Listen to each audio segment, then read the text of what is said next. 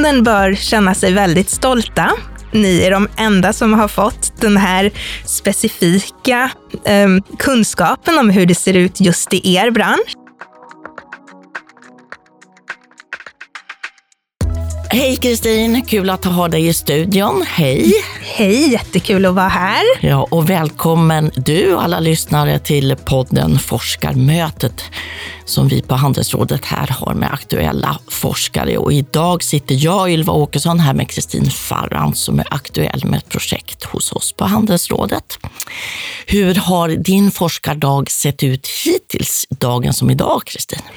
Idag har jag mest varit på olika möten faktiskt. Eh, lite projektmöten, diskuterat ja, men hur ska vi göra i det här projektet med den här analysen. Och hur många projekt har du på gång samtidigt? Just nu har jag tre projekt på gång.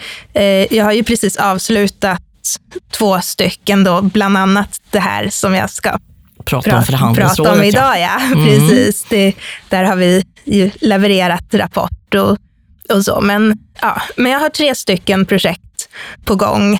Um, så då hade jag möte med en statistiker idag och så liksom diskuterade vad ska vi göra för analyser och hur ska vi lägga upp dem och så. Sen förstod jag på dig också att i vissa moment av din forskning så kan du få hjälp internt av en statistik superexpert. Ja, precis. precis. Om, om jag har frågor eller, eller om det är en viss metod som jag är osäker på. Um, för ibland så är det ju så att man kör fast och behöver bolla med någon och så är liksom, jag får det här jättekonstiga resultatet eller ännu värre, jag får det här felmeddelandet. Um, modellen vill inte köra. Hur gör jag? Och då kan jag gå till en statistiker då som hjälper mig och som också hjälper till med datamanagement och så här. För vi använder ju extremt stora eh, databaser med mm. register på hela Sveriges befolkning. Och då, det de hjälper till med mycket är ju att ja, men, ren, rensa datan, städa den och så här, ta fram rätt data som, som vi behöver. Så att jag kan ju säga, ja, men jag, nu ska jag studera tjänstemän inom handeln. Mm. Och då säger de, ja det kan jag hjälpa till med. Hur definierar du tjänstemän? Vilka räknas som tjänstemän? Vad, vad menar du med handeln? Hur ska vi mäta om de arbetar i handeln? Vilka åldrar? Så här, och, och, så tar man, gör man alla de här avgränsningarna för vilka man ska studera tillsammans med en statistiker. Då. Du sa, nämnde sådär, ibland kör man fast. Du, vad har du för mm. knep om du känner, nej nu går det runt i huvudet. Vad gör du? Jag är ganska gammaldags av mig. Så om jag, om jag då får en sån här tabell och jag för, det säger mig ingenting, det är bara massa siffror. Då skriver jag ut den på papper och tar en penna och så sätter jag mig och ritar cirklar runt det som sticker ut. Och särskilt höga värden, särskilt låga värden. Och ser då, men finns det några grupper som sticker ut? Finns det några samband som jag ser? Och, och så liksom vad, ja, bara penna och papper helt enkelt. Intressant det här hur handen och hjärnan samarbetar på något magiskt Absolut. vis. Absolut. Du är ju biträdande lektor inom specialområdet försäkringsmedicin, eller hur? Ja. Kan du säga lite grann, vad innebär det? Eh, försäkringsmedicin handlar ju om eh, samspelet mellan socialförsäkringar och hälsa. Eh, I synnerhet studerar vi då sjukförsäkringarna, alltså sjukpenning, försäkring och aktivitetsersättning och sjukersättning. Ehm, så då riskfaktorer för att bli sjukskriven eller få sjuk och aktivitetsersättning, konsekvenser av att vara sjukskriven eller ha sjuk och aktivitetsersättning. Och också en del om hur man arbetar med det här inom vården, inom Försäkringskassan, på arbetsplatser och så vidare. Så ja, sjukskrivningens och sjuk och aktivitetsersättningens riskfaktorer, konsekvenser och praxis, brukar vi säga. Hur länge har du jobbat med just det området på Karolinska? Just det området, ja, det började jag 2016 var det. Mm. Så det är väl snart sex år nu. Mm, just det. Ja. Och du är ju aktuell för oss på Handelsrådet eftersom du alldeles nu har avslutat den här studien Sjukfrånvaro bland tjänstemän inom handeln. Kan du berätta lite grann om projektet? För du har sagt att det har varit lite unikt. Mm. Så det här är ju då en fortsättning eller en fördjupning av ett tidigare projekt vi hade som då eh, tittade på sjukfrånvaro bland privatanställda tjänstemän på hela arbetsmarknaden. Eh, och det som är unikt med just eh, det här projektet och det tidigare projektet är ju att vi kan titta på alla tjänstemän. Så vi har då tittat på alla tjänstemän inom handeln 2012 och följt dem framåt. Det har gjorts eh, tidigare studier eh, som har då varit eh, enkätstudier eller intervjustudier. Och där kan man ju tänka sig att personer som svarar på en enkät eller deltar i en intervju skiljer sig ju från personer som inte gör det. Mm. Så att det man ser där kanske inte gäller för alla. Men det vet vi ju att det vi ser här i vår rapport, det gäller ju för alla eftersom vi har haft... Inte filtrerat Nej, genom någons egen upplevelse. Men jag tänker 2012, det är ju jättegamla siffror. Varför tog ni inga nyare? Det var ju två anledningar. Um, den första är att vi vill ju kunna följa upp de här över en lång tid. Och då om man vill se hur det går för dem över tid, då behöver man ju starta tidigt för att kunna få någon längd på uppföljningen. Så nu har vi följt dem upp till och med 2016. Um, ehm, och, att, och då kan man ju tänka, ja men 2016, det är också ett, ett tag sedan. Ett tag sedan. Um, och det, att vi inte har följt dem längre, det innebär att det, det beror på att vi har en liten eftersläpning i datatillgången. Mm. Mm. För vi får ju den från registerhållande myndigheter, till exempel Försäkringskassan, Socialstyrelsen, eh, Skatteverket och så vidare. Och så går allting via SCB. Eh, och de avkodar datan. Så man inte ska kunna liksom hänföra till en specifik precis, person? Ja. Precis, så när de kommer in till SCB, då har de ju personnummer där. Och det tas, all, det tas, ju, tas ju bort och så här, um, uppgifter om specifikt födelseland grupperas ju så att vi inte ska ha den här typen av riktigt känsliga data. Um, så det tar ju dels tid för de registerhållande myndigheterna att bearbeta datan eh, på det sätt mm. som, mm. så att de kan släppa iväg den till oss. Mm. Och sen tar det ju tid för SCB att bearbeta den så att vi kan få den här av, um, avidentifierade, den här anonymiserade datan som vi har innan vi kommer in på vad ni kom fram till, så mm. tänker jag så här, som forskare, då vill man väl i princip ha tillgång till absolut så mycket statistik som möjligt. Allt ifrån längd på tånaglarna till, jag menar allting. Är det inte så? Jo, men det är lite så. Man, man vill ju kunna titta på så mycket som möjligt och se, åh, vad finns det här och vad kan man göra?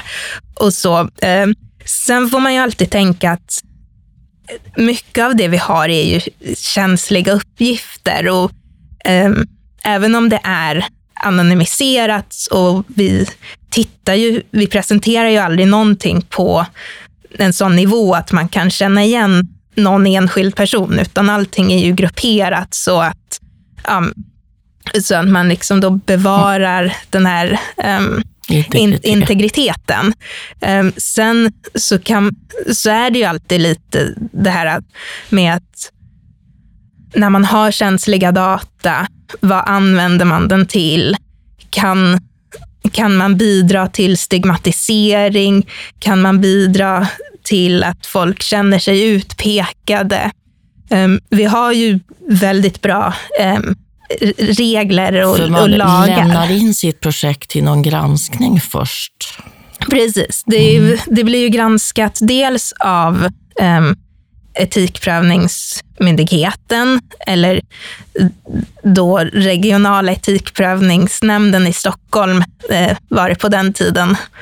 Men, eh, men, vi, men det, det granskas av Etikmyndigheten och också av de här registerhållande myndigheterna.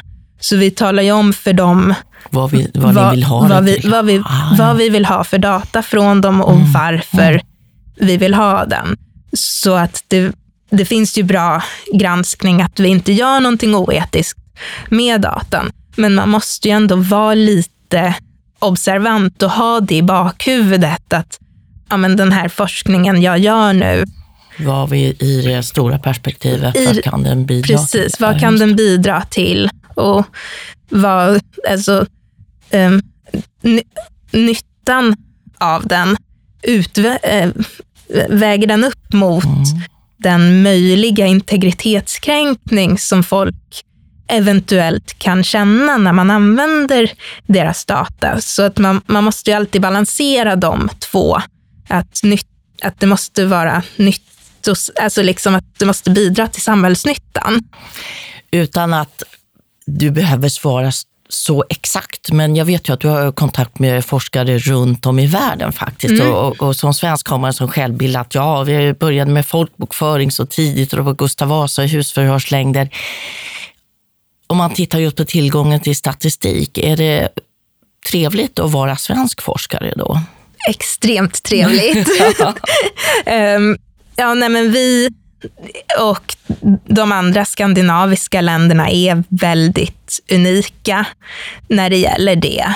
Ehm, att det finns så pass mycket och också möjligheten att kunna länka de här olika registren. Att vi kan då ha uppgifter både från Försäkringskassan och från Socialstyrelsen och kunna titta på ja, men, dels vilken vård en person har sökt och om personen har varit sjukskriven eller inte och titta på samband Mm. på det sättet. Jag har kollegor i Storbritannien som ja, nästan gråter när jag talar om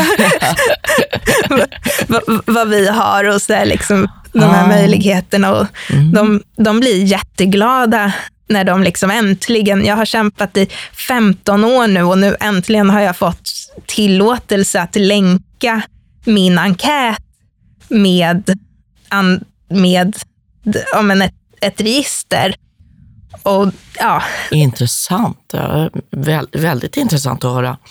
Ska vi prata lite grann om, om eh, det här forskningsprojektet? Vad, ja, vad kom ni fram till helt enkelt? Vad kom ni fram Ja, till? nej men det vi kom fram till var att eh, sjukfrånvaron var ganska låg. Eh, förhållandevis då inom den här gruppen. Och vi kan nämna att vi bara pratar om sjukfrånvaro som är över 14 dagar. Eh, alltså den som registreras hos Försäkringskassan. Så att den sjukfrånvaron där arbetsgivaren betalar sjuklön, den har vi inga uppgifter om. Så den där lilla snuvan är inte med. Nej, precis. Ehm, men så att den, den är låg inom gruppen, vilket ju är positivt. Ehm, Absolut. däremot, när man, när man tittar på sjukskrivningar så ökade ju de under de här eh, fem åren som vi tittade på. Eh, men om man tittar på sjuk och aktivitetsersättning så minskade det. Så att en, och det beror ju delvis på att det, ja, att det prövas annorlunda, att det är färre som beviljas eh, sj- sjukersättning. Mm. Ehm, så att, Så det är en förklaring. ja. Avvek den här gruppen nämnvärt från andra grupper som du och ditt forskarteam har tittat på i andra branscher? Vi har ju inte gjort den här djupdykningen i någon annan bransch. Ehm, så handeln bör känna sig väldigt stolta. Ni är de enda som har fått den här specifika um, kunskapen om hur det ser ut just i er bransch. Kul. Mm. Så det... det blir lite som en modell för Ja, men lite grann. Så det är svårt att säga. Mm. Men här, du sa inledningsvis ändå mm. att det var, det var inte så höga tal. Nej, precis. Alltså det, det var ju en sak vi, mm. vi såg, att de här sambanden, många av de sambanden vi såg var ju åt det förväntade hållet.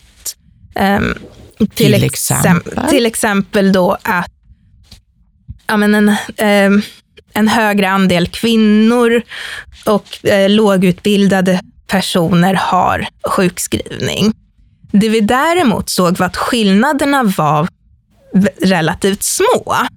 Um, och i synnerhet när det gäller kön så fann vi ju också, um, vilket, har, vilket man har funnit i andra studier också, att även om en högre andel kvinnor är sjukskrivna mm. så är sjukskrivna kvinnor och män sjukskrivna lika länge. Så när man har, väl har fått en sjukskrivning så finns det inga könsskillnader i hur länge man är sjukskriven.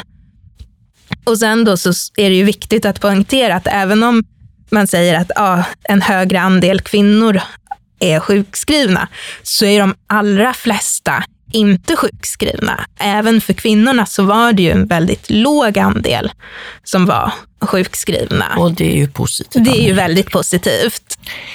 Det man kanske kan ta för givet sådär som lekman när man tittar på det, det är det här att låg låg möjlighet att styra sina mm. arbetsdagar, så låg kontroll, skulle då hänga samman med att man kanske blev sjuk oftare. Såg ni det här ja, sambandet? Det, det såg vi också. Eh, så vi tittade delvis på krav i yrket, alltså om man måste jobba fort, om man mm. känner att man har för mycket att göra, om man måste ta med sig jobbet hem eller jobba över på lunchen mm. till exempel. Och också kontroll över yrket, att man kan styra vilka arbetsuppgifter man eh, gör när och i vilken ordning eller när man går på toaletten och ja, liksom att mm. ja, man kan lägga upp sitt eget arbete.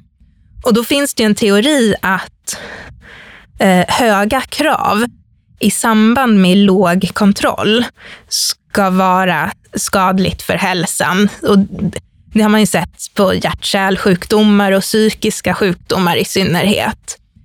Däremot när vi tittade på sjukskrivning mm. så, såg, så såg vi inte riktigt det sambandet.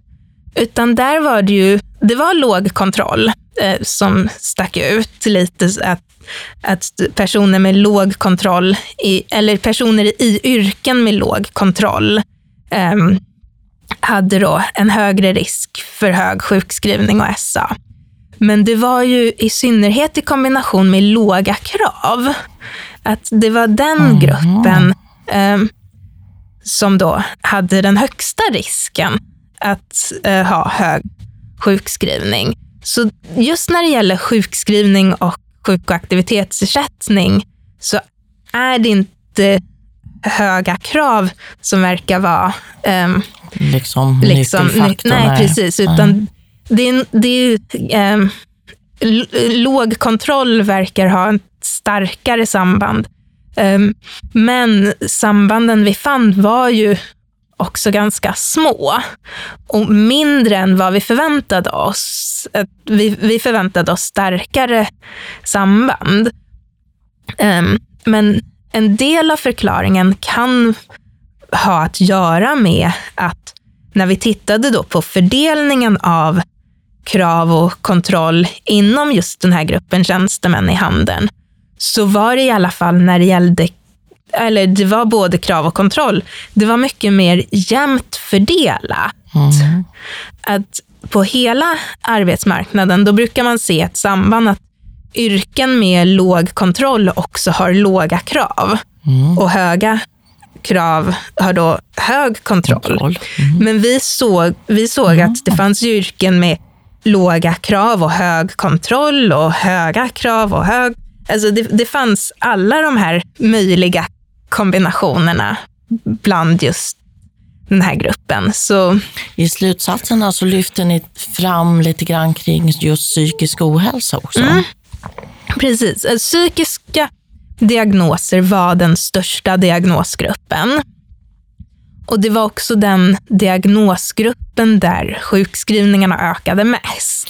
Det skulle till exempel kunna vara utmattningssyndrom. Ja, Ut, det, ja. Alltså utmattningssyndrom, eh, ångest och depression okay. är de tre vanligaste psykiska diagnoserna när det gäller eh, sjukskrivning. Vi, och, också när det gäller i allmänhet, alltså sjuklighet. Eh, för och det, det gäller i, överlag och inte bara i handeln? Ja, det, ah. det, det gäller överlag. Um, och ja, de psykiska diagnoserna är den största sjukskrivningsgruppen. Den största gruppen av diagnoser. Däremot, när vi tittade på det här bland tjänstemännen i stort, så såg vi att för män så var de somatiska diagnoserna, alltså de kroppsliga diagnoserna sammanlagt, lik större. De stod för fler dagar än de psykiska. Um, så att um, och sen då när vi delade upp de, de somatiska diagnoserna, då framstod ju de psykiska som de vanligaste.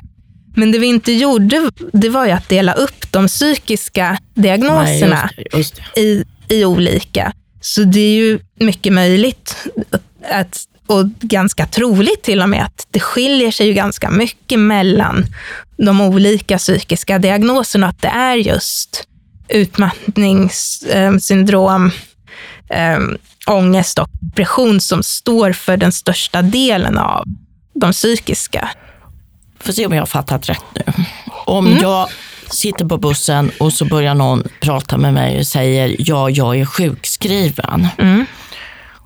Då, om jag bara ska gissa då, då ska jag säga ja, du är sjukskriven för någonting som har med din psykiska hälsa att göra, då har jag störst sannolikhet att träffa rätt.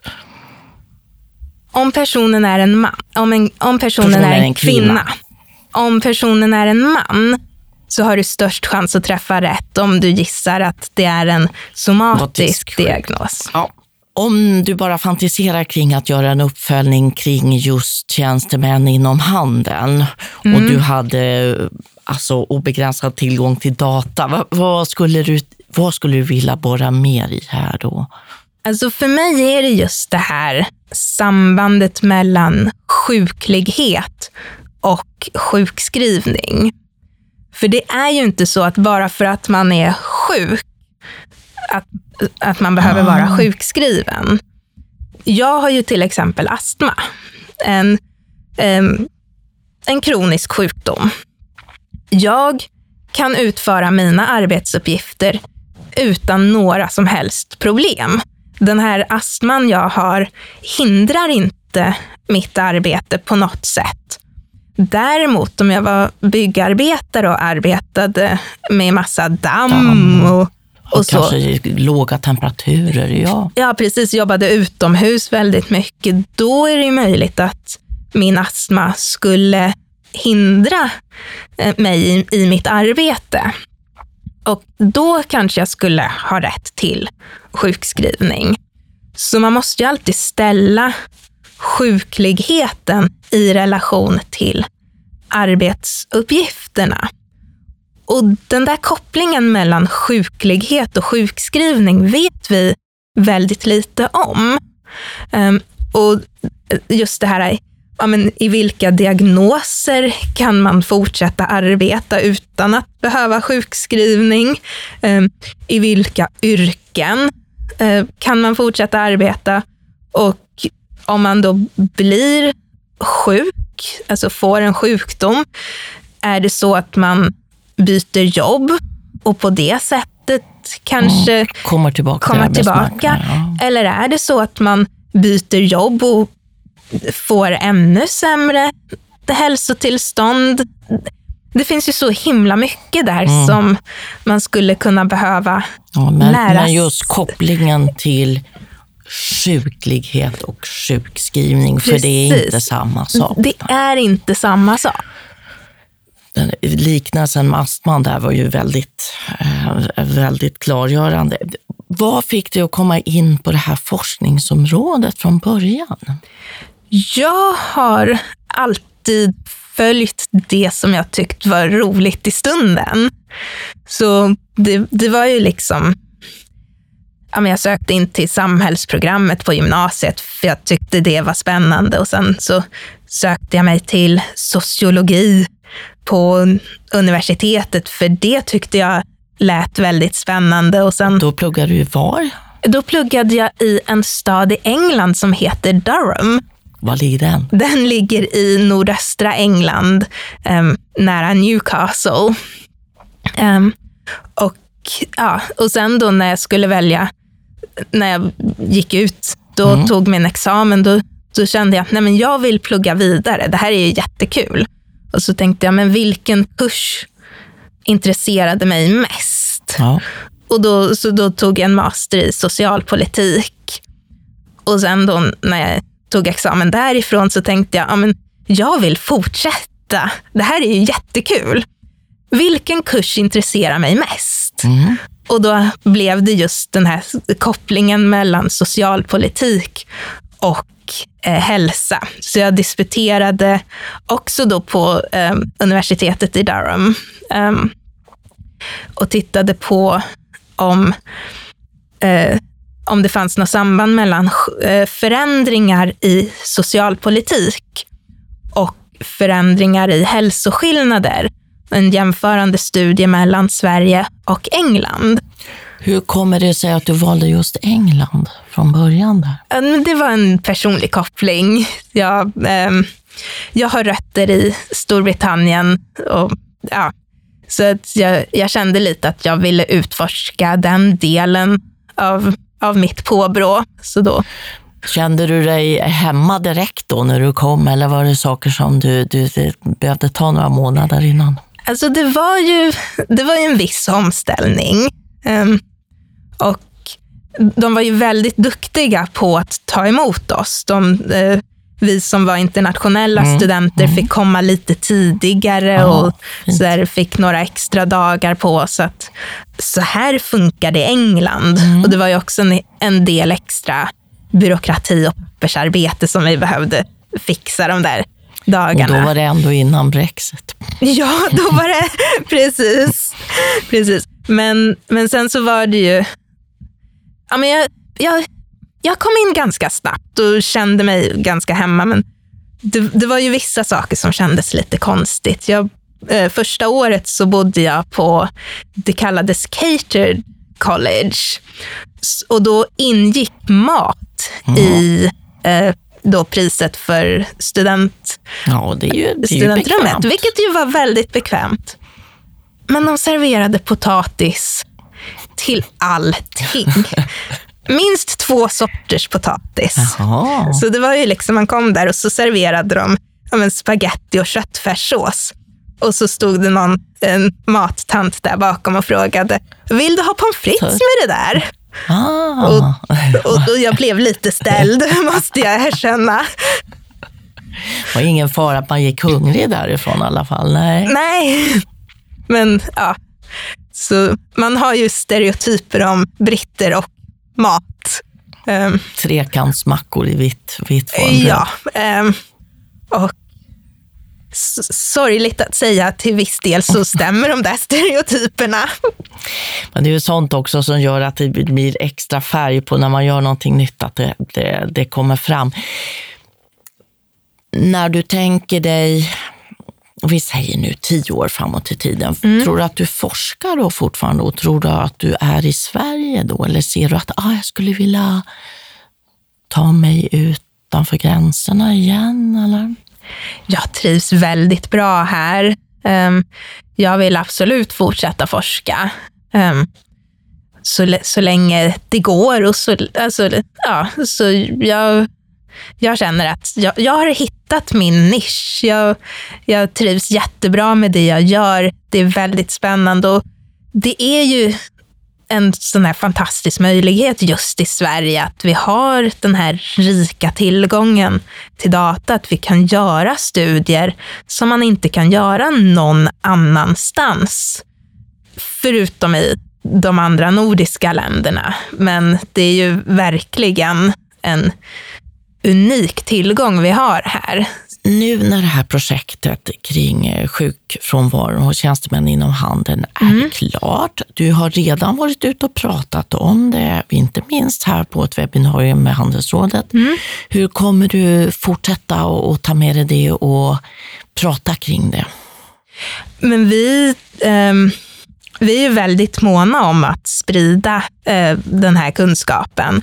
Så dels så eh, kommer vi skriva eh, artiklar för publikation i internationella tidskrifter. Den här rapporten är ju på svenska, eh, så att vi kan sprida det också till utanför mm. Sverige. Och då är det engelska som gäller alltid i det här läget? Ja, alltså, alltså det här det gemensamma språket mm. inom forskningen är ju mm. engelska. Så om man vill att andra människor ska ta del av det så får man skriva på engelska. Um, och sen så ska vi prata om det på konferenser. Um, är det något som är på gång snart? Jag siktar in mig lite på en i Berlin i november. Um, Mm, jag håller vi tummarna för att det går. Precis. Det är... Inga pandemier som sätter Nej, att man ska kunna kroppen. åka dit. Mm. Och, och sen då att vi vill väldigt gärna presentera den för även eller för andra grupper också utanför akademin. Och det brukar kallas forskningens tredje uppgift. Tycker du Tycker du den är rolig? Trivs du med just den här tredje uppgiften, att vara ute och prata kring det och träffa både de som forskarkollegor men de som inte alls hör till akademin? Ja, men det, det tycker jag är väldigt roligt och det är väldigt givande och man får ju andra frågor och andra um, inspel och man måste ju... Um, ja, men det, det, är ett annat sätt att lägga upp det, vad man pratar om, vad man lyfter, hur man formulerar sig. Um, så det, det, är en väldigt rolig uppgift, tycker jag. Att, ja, men hur, hur kommunicerar jag det jag har gjort på ett sätt som faktiskt går att förstå? Um, mm, just det. Det här med att forska, träget arbete i vingården och man sitter med statistik och ibland med en, en röd penna och så. Hur ofta händer det att du får det vreka moment, liksom, att du känner ja? Eller är det någonting som växer fram så att det, nu känner jag nu är jag något på spåren och, och här var det? Det är mycket för mig att det växer fram. Att idéer mognar, att man liksom ser någonting i, eh, ja men ser något samband eller kanske till och med ser avsaknaden på ett samband som man förväntade sig. Och så går man och funderar, men vad kan det här bero på? Och så här, liksom, om jag testar att göra på det här sättet, om jag prov, och, och så här, liksom att man försöker, ja men hur, hur kan jag förklara det här? Kan jag gräva mig vidare? Om jag, um, ja, men, om jag kanske till exempel delar upp inkomster i olika grupper. Mm. Att jag kanske hade, hade en väldigt stor grupp med väldigt höga inkomster. Om jag delar upp dem i två grupper, ser, får jag fortfarande samma mönster? Eller är det de med de allra högsta inkomsterna som sticker ut eller är det liksom de med något högre än medel?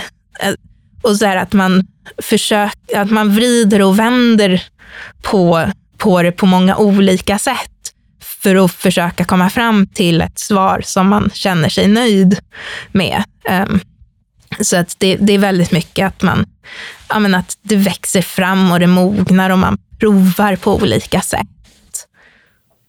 Även om man är superprofessionell så kan jag tänka mig att man under en, en, en viss fas så tycker det kan hända att man tycker att det här, det här verkar rimligt, det här har jag kommit på spåren, jag ser att det, det kanske är det här som är grejen.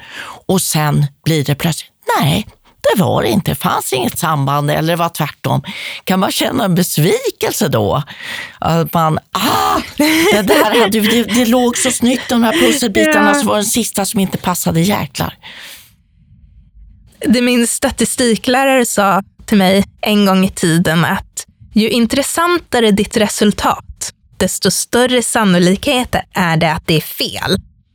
Så det är de det är för bra för att vara sant. Ja, men så, så det är ju de oväntade sakerna som man måste dubbelkolla och trippelkolla. Om, ja, men, har jag verkligen gjort rätt nu? Stämmer det här mm. som jag har fått fram? Um, men i, ibland så kan, alltså oftast så är det ju nästan roligare när man får något som man inte har förväntat sig. Att det är ju där det blir spännande. Okej, okay, det var inte så mm. som jag tänkte. Mm. Vad kan det bero på? Och sen har man då dubbeltestat och trippeltestat att det faktiskt är så att det kanske går emot tidigare forskning eller ens egen hypotes. Och, och så. Då måste man ju tänka om. och ja, men Vad kan det bero på? Vad, vad kan ligga bakom det här? Är det någonting jag inte har tänkt på? Mm. Och det är ju ett väldigt roligt arbete det här att man får verkligen ja, men grotta ner sig mm. i någonting. Um. Och sen också det här läget där inget samband alls är också en nyhet. Absolut. Och viktigt att liksom... Absolut. Um, och det är ju, ja, det, det, kan ju vara väldigt spännande att det här att ja, men man tror att det ska finnas ett samband. Och ibland så kan man ju se samband i ojusterade analyser. Och sen justerar man och så försvinner sambandet. Så att det här sambandet man såg berodde på någonting annat. Någonting helt annat. Och, mm. och det är också viktigt att lyfta de här, att ja, att man, man försöker alltid komma till det här, men vad beror de här mm. sambanden på? Vad ligger bakom siffrorna? Och jag är väldigt glad att vi kunde ses fysiskt här i studion nu och jag är jätteglad att du ville komma och prata om det här projektet och om ditt forskarliv. Tack Kristin och eh, på återhörande alla ni som lyssnar. Det här går ju att lyssna på där poddar finns och på Handelsrådets Youtube-kanal. Tills vi hörs igen, hej då! Hej då!